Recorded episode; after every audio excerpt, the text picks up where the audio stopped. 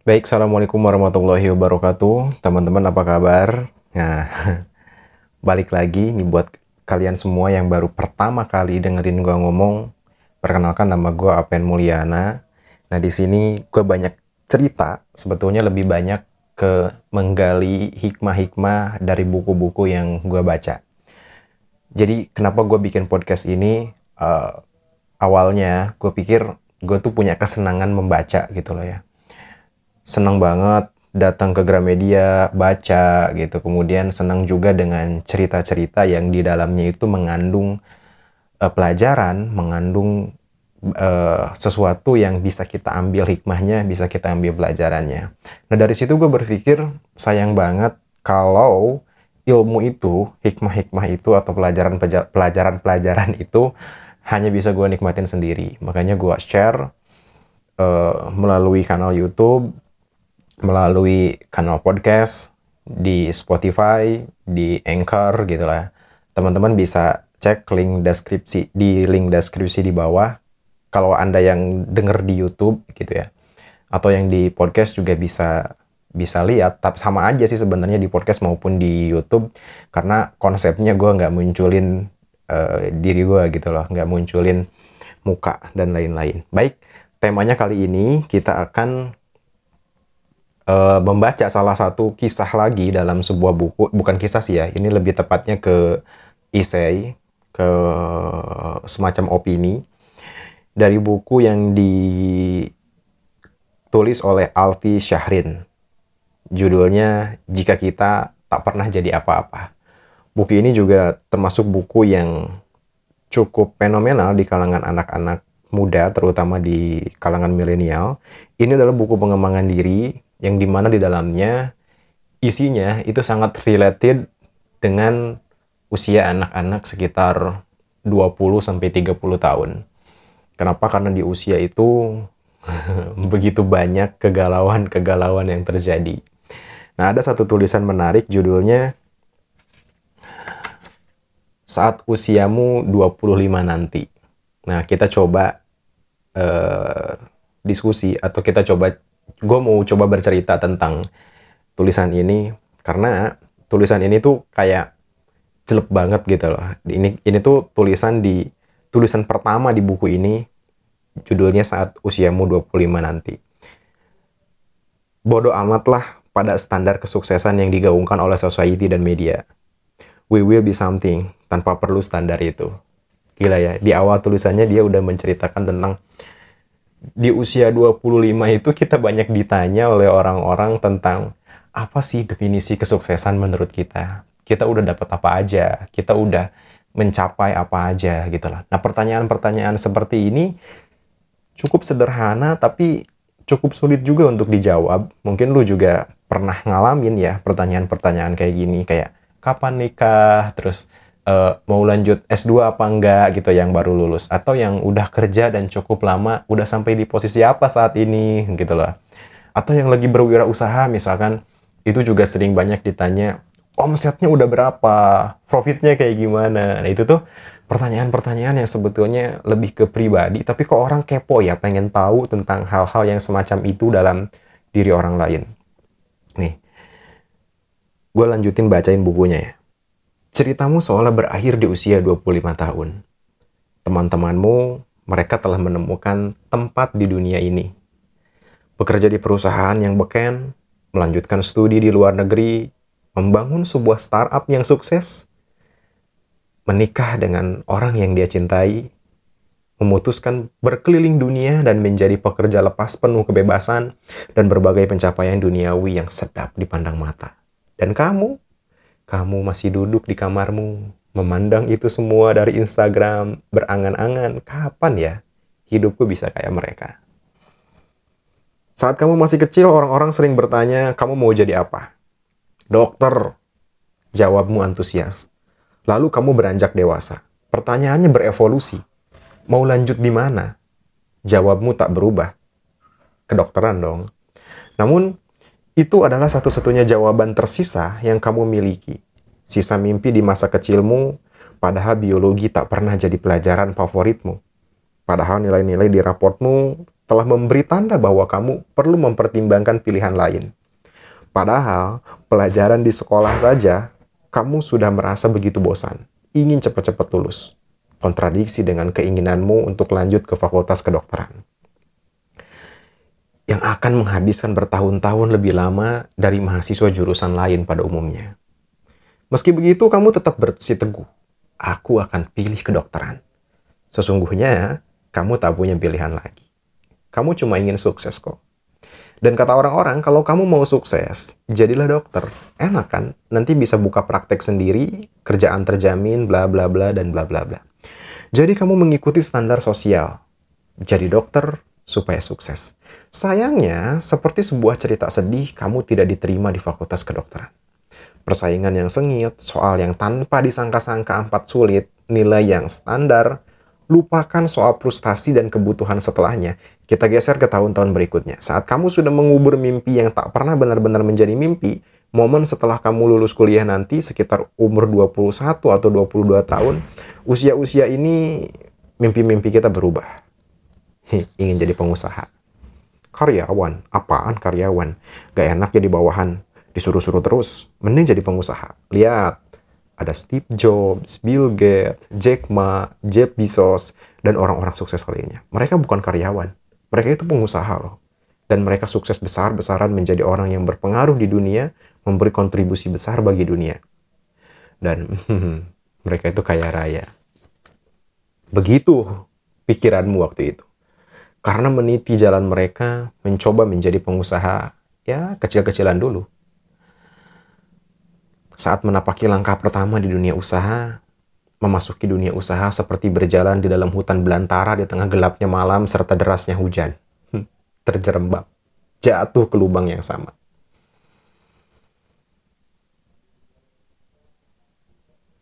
Terperangkap begitu lama, sampai jenuh dan berkarat. Usaha berjam-jam, penghasilan nol.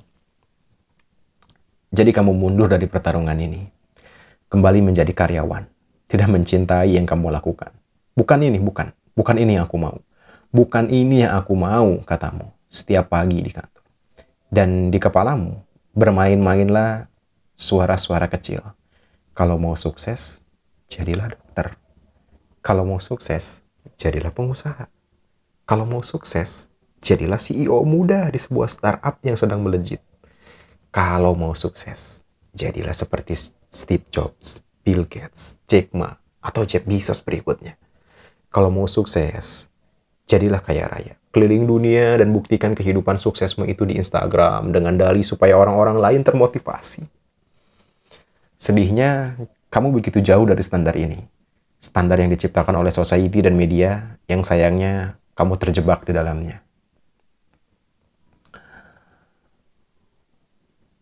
Berdirilah di bibir pantai membiarkan ombak menyelimuti jemari kakimu. Duduk di sebuah perahu di tengah danau sendiri saja. Melangkah di antara pematang sawah sambil menghirup udara segar pedesaan. Atau sesederhana berbaring di atap rumahmu, tataplah langit biru dan arakan awan itu. Lihat bagaimana awan-awan itu terbentuk. Seperti begitu acak, berantakan, tak simetris, tak selalu berpola. Namun perhatikanlah, ia tak pernah butuh simetris dan teratur untuk terlihat indah. Ia tak butuh standar tertentu untuk tetap indah. Awan tetap menjadi awan dengan bentuk yang berantakan dan tak simetris. Ia malah tampak seperti istana kapas, indah dan menakjubkan, tanpa butuh standar society.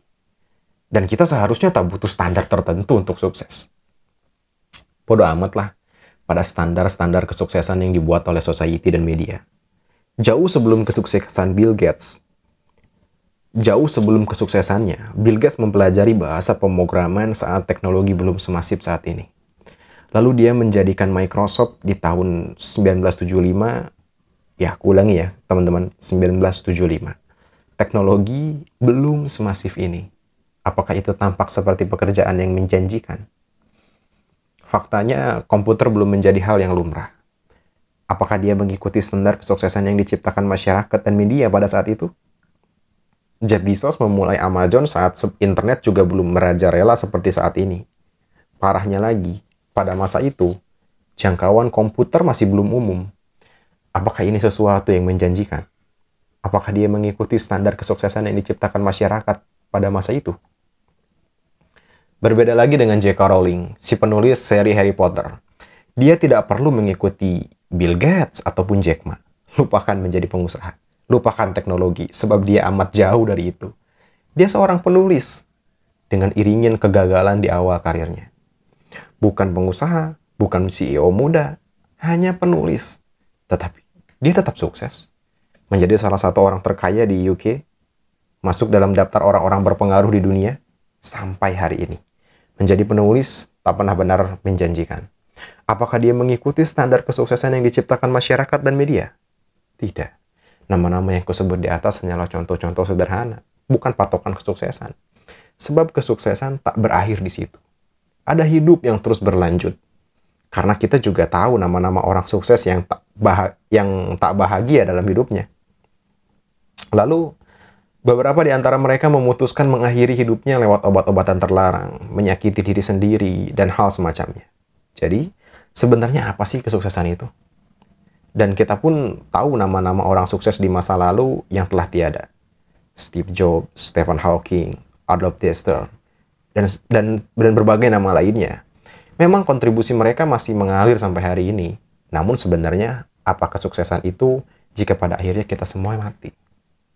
Bukankah ini pertanda bahwa ada sesuatu yang lebih penting di dunia ini dari sekedar kesuksesan? Bukan. Bukan berarti kita tak uh, lantas melepas mimpi-mimpi kita, kemudian duduk pasrah, tak lagi berharap. Bukan, bukan begitu. Bukan berarti kita melupakan cita-cita kita. Bukan berarti kita terhenti mencoba karena gagal dan gagal lagi.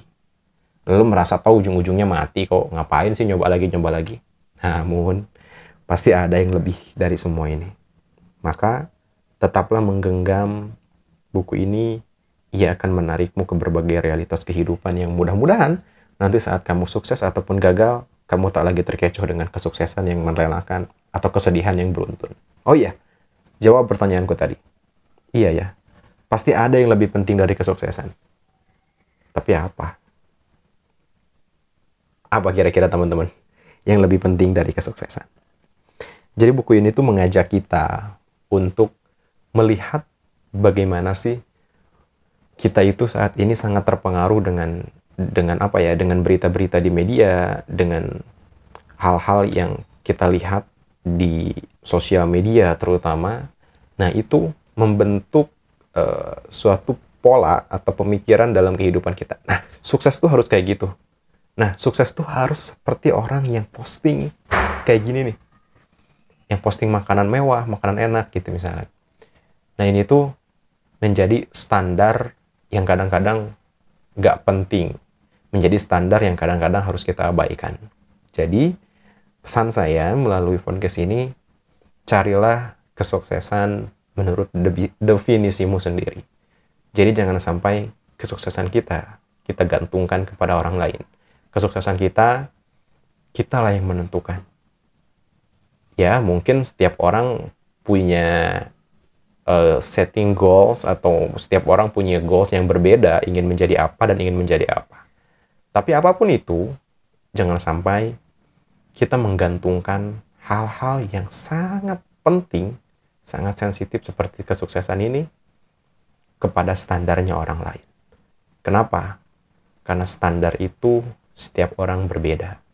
Dan society membentuk standar itu berdasarkan database yang ada berdasarkan informasi yang banyak dan tersebar. Dan kita menyetujui itu. Sama seperti ketika melihat standar kecantikan seorang wanita misalkan. Wanita yang cantik itu yang tinggi yang putih dan kita menyetujui itu. Kenapa? Karena ada uh, agenda di balik itu semua. Baik mungkin itu aja teman-teman. Mudah-mudahan ini tidak membuat kita semua pusing apalagi membuat teman-teman menjadi tidak bersemangat untuk meraih kesuksesan. Baik, terima kasih. Mohon maaf kalau di audio ini banyak noise yang cukup mengganggu ya. Tadi saya dengar ada beberapa yang masuk dan nggak bisa juga saya, saya edit karena itu datang secara spontan. Thank you, terima kasih. Wassalamualaikum warahmatullahi wabarakatuh.